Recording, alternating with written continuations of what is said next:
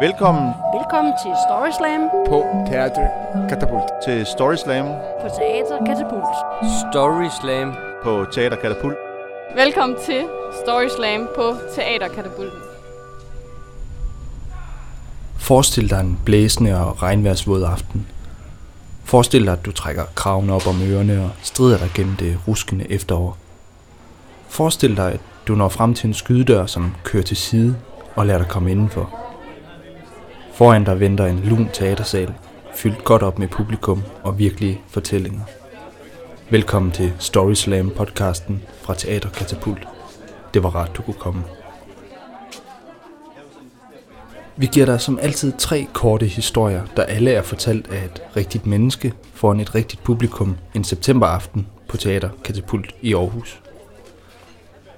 Verden for arrangementet hedder Thomas Kirk, og for lige at varme publikum op, serverede han den her historie om at befinde sig lige på kanten af livet som filmstjerne. God aften, og velkommen til. Til Story Slam på Katapult, Teater Katapult. Så står jeg her endelig i rampelyset. Første gang jeg fik færden af, af rampelyset, virkelig fik smag for det, der var jeg ikke mere end 5-6 år gammel. Det var dengang, jeg fandt ud af, hvordan VHS-maskinen den virker. Og der var sådan et VHS-bånd, som øh, var det, jeg altid satte på, når vi havde gæster, jeg skulle imponere. Og det var, øh, måske har I gættet det, det var Olsbanden i Jylland. Fordi øh, 18 minutter og 50 sekunder henne i Olsbanden i Jylland, der er min far statist. Det er rigtigt, tak. Ja, og øh, det er sådan lidt øh, en helt speciel statist, han er i Olsbanden i Jylland. Fordi det, der sker i Olsbanden i Jylland, der, det er, at øh, Olsbanden de kører ind på en tank i øh, en tankstation oppe i Hanstholm i Vestjylland. Og min far var vokset op på øh, gården lige ved siden af tanken. Og de kører bare ind for at snyde en bunderøv og få noget gratis benzin. Da de så kører ud fra den her tank, så kører min far forbi i en øh, gammel Ford Major, 12 år gammel, simpelthen ikke gammel nok til at køre på landevejen endnu i en traktor her, så kører han forbi, mens Olsbonden, de kører den der vej ud mod havet. Så det er sådan, for det trænede øje, så opdager man med min far med i Olsbonden i Jylland, der var formentlig ingen af jer, der havde skænket det en tanke før i aften, men jeg synes, det var kæmpestort, at han havde fået lov at være statist i Olsbonden i Jylland. Han sagde godt, han, altså der var ikke sådan nogen øh, kontrakt med Erik Balling. Det var mere sådan, det, det skete bare. Og det var på en måde øh, endnu sejere, fordi øh, Olsbanden, de er jo ret smarte. De snyder jo folk for et godt ord. Men min far havde alligevel twistet den og snydt Erik Balling. Han havde snydt sig til at være med i den her øh, Olsenbanden-film. Ret sejt. Det, øh, det anså jeg for noget, der var fuldstændig uopnåeligt øh, for mig. Indtil jeg en dag jeg sad og skrev speciale op på Statsbiblioteket for to år siden. Med min speciale marker, der skete ikke det store. Det gør der aldrig rigtigt. Vi sad bare og kiggede øh, lidt damer, hvad lige vil sige. Det gør vi ikke. Vi, vi sad bare og spiste vores mad.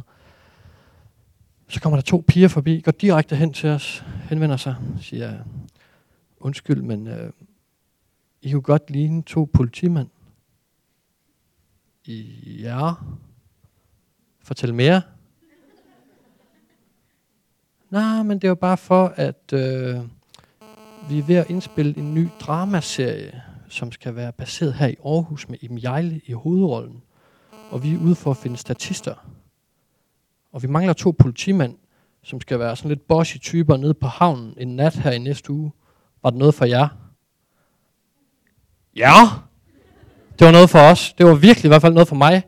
Det var lidt svært at overbevise øh, min marker Christian der om, at det virkelig var en god idé at stille op dernede øh, en nat.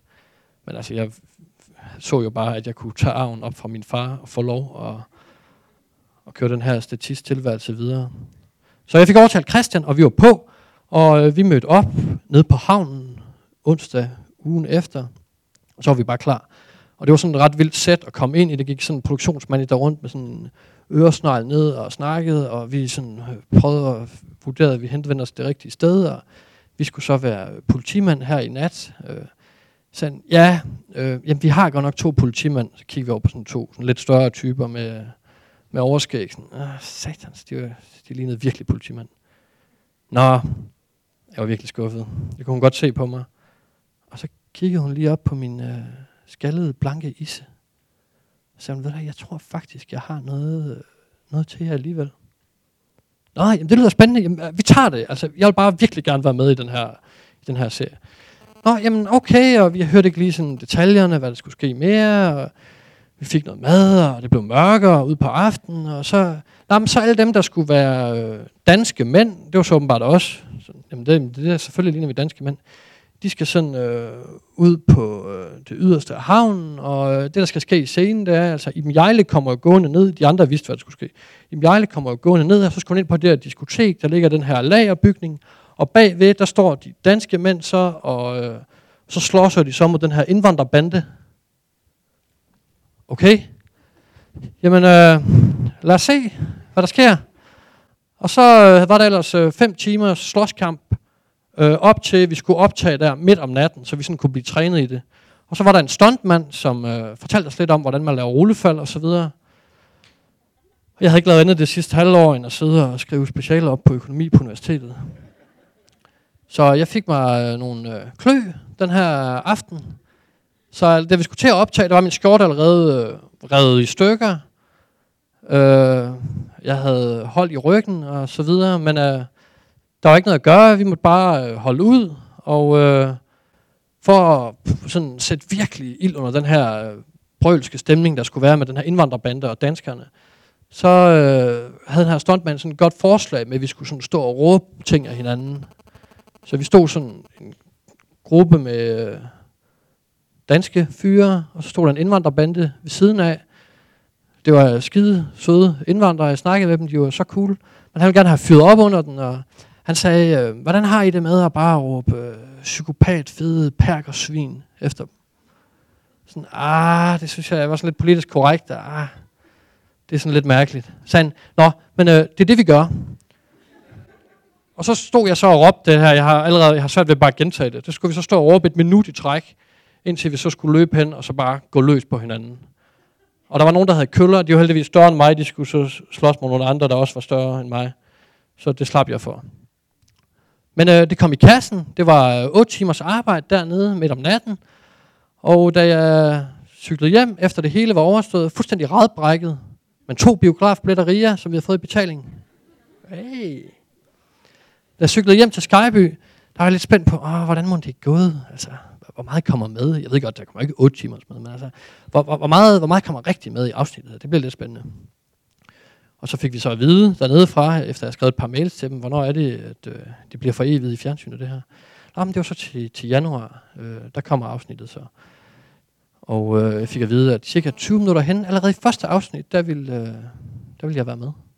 Nå, det var lidt spændende. Og jeg havde så samlet min familie og, og min far, og ja, det var jo lidt spændende der. Jeg synes, ah, det var spændende nok, at jeg lige havde fået snedet mig med der, ligesom han gjorde i Olsenbanden. Fik vi den historie igen, og den var, det var en fantastisk historie. Nå, øh, og så kom vi så de her cirka 20 minutter hen i første afsnit af Digte, direkte live for Aarhus. Og så ser man, i Jejle går ned ad havnen. Det var sådan fuldstændig, jeg fik fuldstændig déjà vu til Olsenbanden, der kører der. Og i baggrunden, så kan man så se, den her gang ikke min far en forsøn Major, men mig og mit skaldede isse, der sparker en indvandrer i maven. Alt, hvad jeg overhovedet kan. Klip. Så øh, det, var, det var den, og efter det, så øh, var der sådan lidt stille i stuen, og vi, vi kunne ikke se mere afsnit der, det var ikke en særlig god serie. Men øh, vi kiggede så lidt over på min far, fordi hvordan, hvordan tog han det lige, altså, kunne jeg leve op til arven? Og jeg har ikke noget sådan fuldstændig klart svar, men han kiggede, og så han, Nå, hvordan øh, fik I brugt de biografbilletter? Så øh, det var den måde, jeg øh, forvaltede arven fra min far fra, fra, fra den aften. Og så igen, rigtig hjertelig velkommen til Story Slam på Katapult!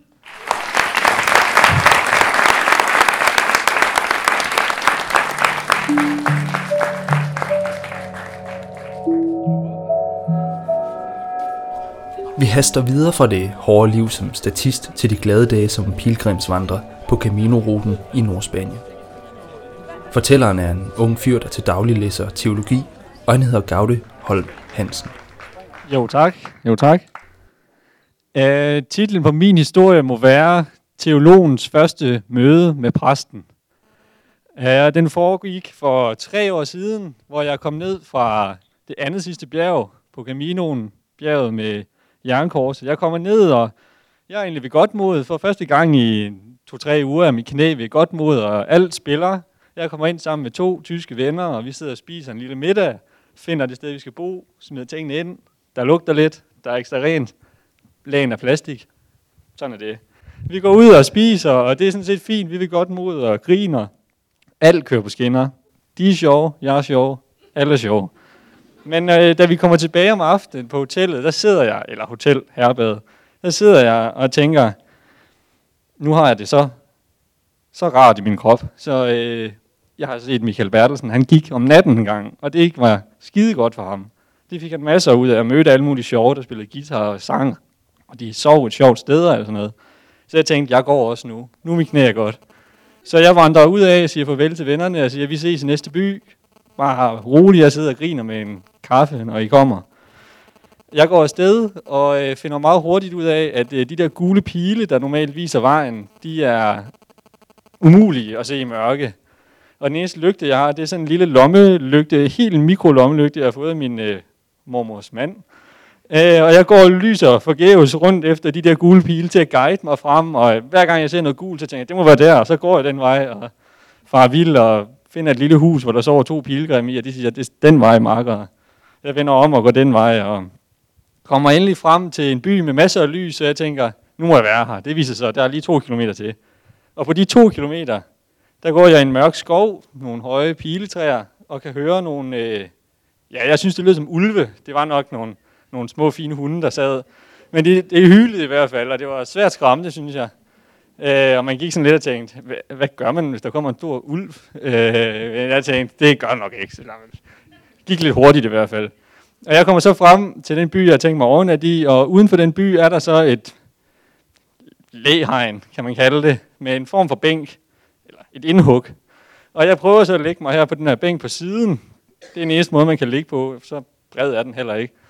Øh, og som jeg ligger der og prøver at få lidt øh, søvn, øh, er der nogle, igen nogle hunde, de er lidt irriterende på den Camino. Der løber og slåsser hen i hjørnet og gør som i helvede, så det er ikke til at få lukket et øje. Øh, så jeg bliver mere og mere træt og mere og mere anstrengt af hele den her idé om at gå om natten, og hvor sjov og ung og frisk jeg lige pludselig har brug for at være. Øh, så det er det endelig bare minderligt om morgenen. Øh, man kan næsten ikke se solen. Så prøver jeg at gå ind i byen her for at se, er der ikke et eller andet herberg eller en seng et sted, hvor jeg kan lægge mig, og så slappe lidt af og, og få det rart igen. Øh, og der begynder det egentlig at lysne lidt igen. Jeg kan lugte en bære, der er ved at åbne for den sidste kage, og jeg kan se de gamle lokale, der sidder med kaffe con leche og kager, og sidder og griner og hygger og vinker til dem og siger, ja ja, goddag, goddag. Øh, jeg kommer så frem igennem byen, og ligesom der er en vind, der tager mine lette shorts og løfter dem lidt, så bliver jeg mødt af en gammel, trofast spansk mand, der kigger på mig og snakker spansk, som en i helvede. Og jeg forstår ikke et ord spansk, og jeg står og siger, jeg, jeg aner ikke. Uh, no Spanish, kan, keine Spanish. Jeg aner ikke, hvad jeg skal sige. Og han siger, ja, det er fint på spansk, og tager mig i hånden, og så går vi hen til den lokale kirke, og så gør han, gestikulerer han. Og det betyder, at du skal have et stempel her. Og så tænker jeg, åh ja, det skal jeg da. Man får sådan nogle stempler for at se, hvor man har været, og de er meget sjove her. Et lille minde, man kan have med. Og det er typisk præsterne, der giver det. Så jeg tænkte, perfekt. Og han åbner døren, og vi går ind, og vi sidder derinde, og der er sådan et stort maroni skrivebord, og en rigtig stor, fin katolsk præstestol må det være. Og så en lille skammel ved siden af. Han sætter sig ned og begynder at rode med sine spanske dokumenter, og kigger over på mig og klapper lige så stille og elegant over på den her skammel. Uh, nu kunne jeg jo ikke spansk, men jeg kunne godt lige regne ud, hvad han mente med det. Så jeg sætter mig over og tænker, skide godt, nu er jeg hjemme med en præst, hvor alt er trygt og sikkert, og jeg kan sætte mig ned og hygge mig her, øh, og nok få en lille kop kaffe af ham, og i hvert fald et stempel. Og jeg sætter mig ned, og han giver mig stemplet, og så snakker han bare ud af, jeg sidder bare og nikker og siger, si, si, buen camino, øh, og kigger lidt. Og så på et tidspunkt, så tager han sin, han er nok 80, øh, over i hånden og ligger her på mit knæ. Øh, og på det tidspunkt har jeg nogle meget lette sommershorts på, øh, så det er ret nemt bare at nå mit knæ.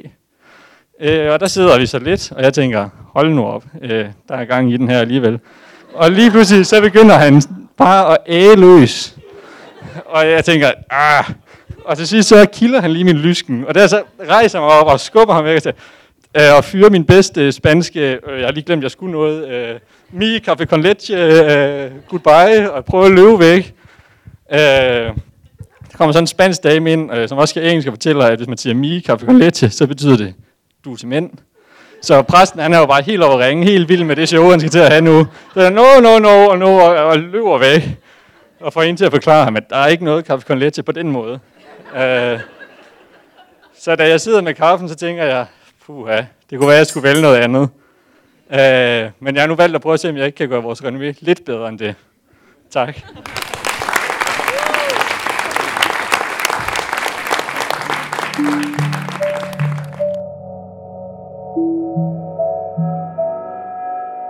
Der er Storyslam på Teater Katapult en håndfuld gange om året. Hvis du har mod på det, kan du gøre som Gaude og stille op med din egen historie. Bare rolig, der er en gulderod. Du kan vinde en tur til Island. Til hvert arrangement kåres aftens bedste fortæller, og til december er der finale, den såkaldte Grand Slam, hvor den samlede vinder stikker af med en rejse for to til Island. Præmien er sponsoreret af Kultur Retur, og du kan nå at være med endnu. Mere om det til sidst i podcasten. For inden da skal du møde Mads Lund, og du skal høre hans historie om at miste dem, man elsker, og om hurtige røde biler. Min far, han, øh, han døde i december måned. Øh, sidste år. Øh, det vil sige for, for et øjeblik siden. Det er sådan, det føles. Øh, han fik konstateret lungekræft, og da de opdagede det, der havde det siddet rigtig længe. Så det var ganske alvorligt. De startede op på øh, strålebehandlingen med det samme, men øh, på grund af øh, en stor tumor, som han havde i hjernen, der øh, fik han et øh, epileptisk anfald og blev indlagt. Og min bror, og min søster, min mor og jeg, vi kom selvfølgelig på hospitalet med det samme. Boede der i nærmest tre, tre dage. Øhm, og til at begynde med, der øh, kunne han sådan øh, kommunikere ved at, at, at blinke med øjnene og, og trykke os i hænderne, men efter en dags tid, så røg han sådan under. Øhm, men vi blev sådan ved med at tale til ham, fordi vi, vi håbede, håbede sådan, han kunne høre, hvad vi sagde. Så vi stod omkring sengen og, og snakkede til ham og snakkede til hinanden og sådan noget. Efter øh, tre dage måtte øh, min bror og min søster til hjem igen, fordi man ikke bare sådan kan sætte livet på standby. Øhm, så øh, den næste dag, der øh, cyklede jeg alene ud til, til min far. Jeg spekulerede rigtig meget på, hvordan, hvordan kan jeg øh, kommunikere med min far, som ikke kan sige noget tilbage igen. Øh, så jeg havde taget en digtsamling med, som han havde givet mig på et tidspunkt, af Halvdan Rasmussen. Det er faktisk en julekalender, julekalender for voksen. Voksne hedder den. Der er et, øh, et digt for, for hver øh, kalender decemberdag. Og så tog jeg ud og sad ved sengen, og så begyndte jeg bare at læse op af de her digte. Øh, og da jeg kom til, til den, den 5. december, øh, som var dagen, så kunne, jeg ikke, øh, så kunne jeg ikke stoppe igen. Jeg blev bare ved med at læse den 6., den 7., den 8., den 9., 10. december. Indtil jeg kom til den 24. Så lukkede jeg bogen. Og så, så jeg bare så på ham. Og han lå der i, øh, i hospitalsengen og, og træk vejret, som om han sov. Øh, ikke meget hårdt tilbage på hovedet, det havde strålebehandling taget. Og jeg havde rigtig svært ved at forlade ham, fordi så var han jo alene. Jeg ved godt, der var, øh, der var sådan sygeplejersker og sådan noget, men han ville være alene, der ville ikke være nogen af os. Men jeg var nødt til at, at, at, at cykle hjem jo. Og øh, to timer efter jeg var kommet hjem, så ringer sygeplejersken og siger, at øh, hans hjerte holder op med at slå. Og jeg vil sige, øh, det mest absurde, jeg nogensinde har foretaget mig i hele mit liv, det er at bære den der øh, hvide kiste ud af kirken, hvor jeg godt vidste, at min far lå i. Ham, som så mange gange havde båret mig rundt på ham. Og øh, to øh, måneder efter hans begravelse, så er vi sådan så småt begyndt at rydde op i huset, øh, sådan finde forskellige ting frem, og vi kommer op i hans kontor, min bror og jeg, og øh, der står alle hans bøger, hans undervisningsmateriale og hans biler. Han var øh, sådan rasende interesseret i biler. Billøb, det var hans store øh, passion. Øhm, og hen på skrivebordet, der står en pakke, en gave, der er et kort til Mads, står der på. Og det er sådan, at jeg har fødselsdag den 19. december. Min far han døde den 5. december. Så det er altså en gave, som han ikke nåede at give til mig. Min bror, han, øh, han synes, jeg skal pakke op med det samme. Og det gør jeg. pakke op, og det er en, øh, det er en modelbil. En, øh, en high-cast model af en Corvette Stingray fra 1969. Og jeg kigger på den her modelbil, og jeg bliver faktisk rasende. Fordi det var min fars interesse. Det var ham, der var altså, rasende interesseret i, øh, i biler. Det var ikke mig, det er ikke min interesse. Så og jeg kan slet ikke forstå, hvad jeg skal med den her modelbil. Det er så absurd på en eller anden måde. Men mens jeg står med den her følelse, så kommer jeg til at tænke på, at måske er der også en anden måde at se på den her gave på. Måske er der noget andet, han vil sige med den her gave. Måske vil han, efter han er død, sige noget i retning af, at, at for mig, øh, som hans søn, som efterladt, gælder det også om at, at prøve at komme videre og, og, og sætte speederen i bunden og, og, og sådan køre ud af landevejen og op det nye landskaber, og møde nye mennesker, og nye venner og bekendte. Ja, lige præcis, Mads. Du skal ud og imponere damerne med den bil. Men far, det var, det var en modelbil. Mads, det er en Corvette Stingray. Den er rød. Den er fra 1969. Men far, den er, den er 5 cm høj. Mads, den er rød. Alle kvinder elsker røde biler. Og mens jeg sådan øh, i mit stille sind står og, og diskuterer frem og tilbage med min far omkring øh, meningen med det her, så går det op for mig, at øh, den her bil, jeg har fået, det er den bedste gave, jeg har nogensinde har fået i hele mit liv.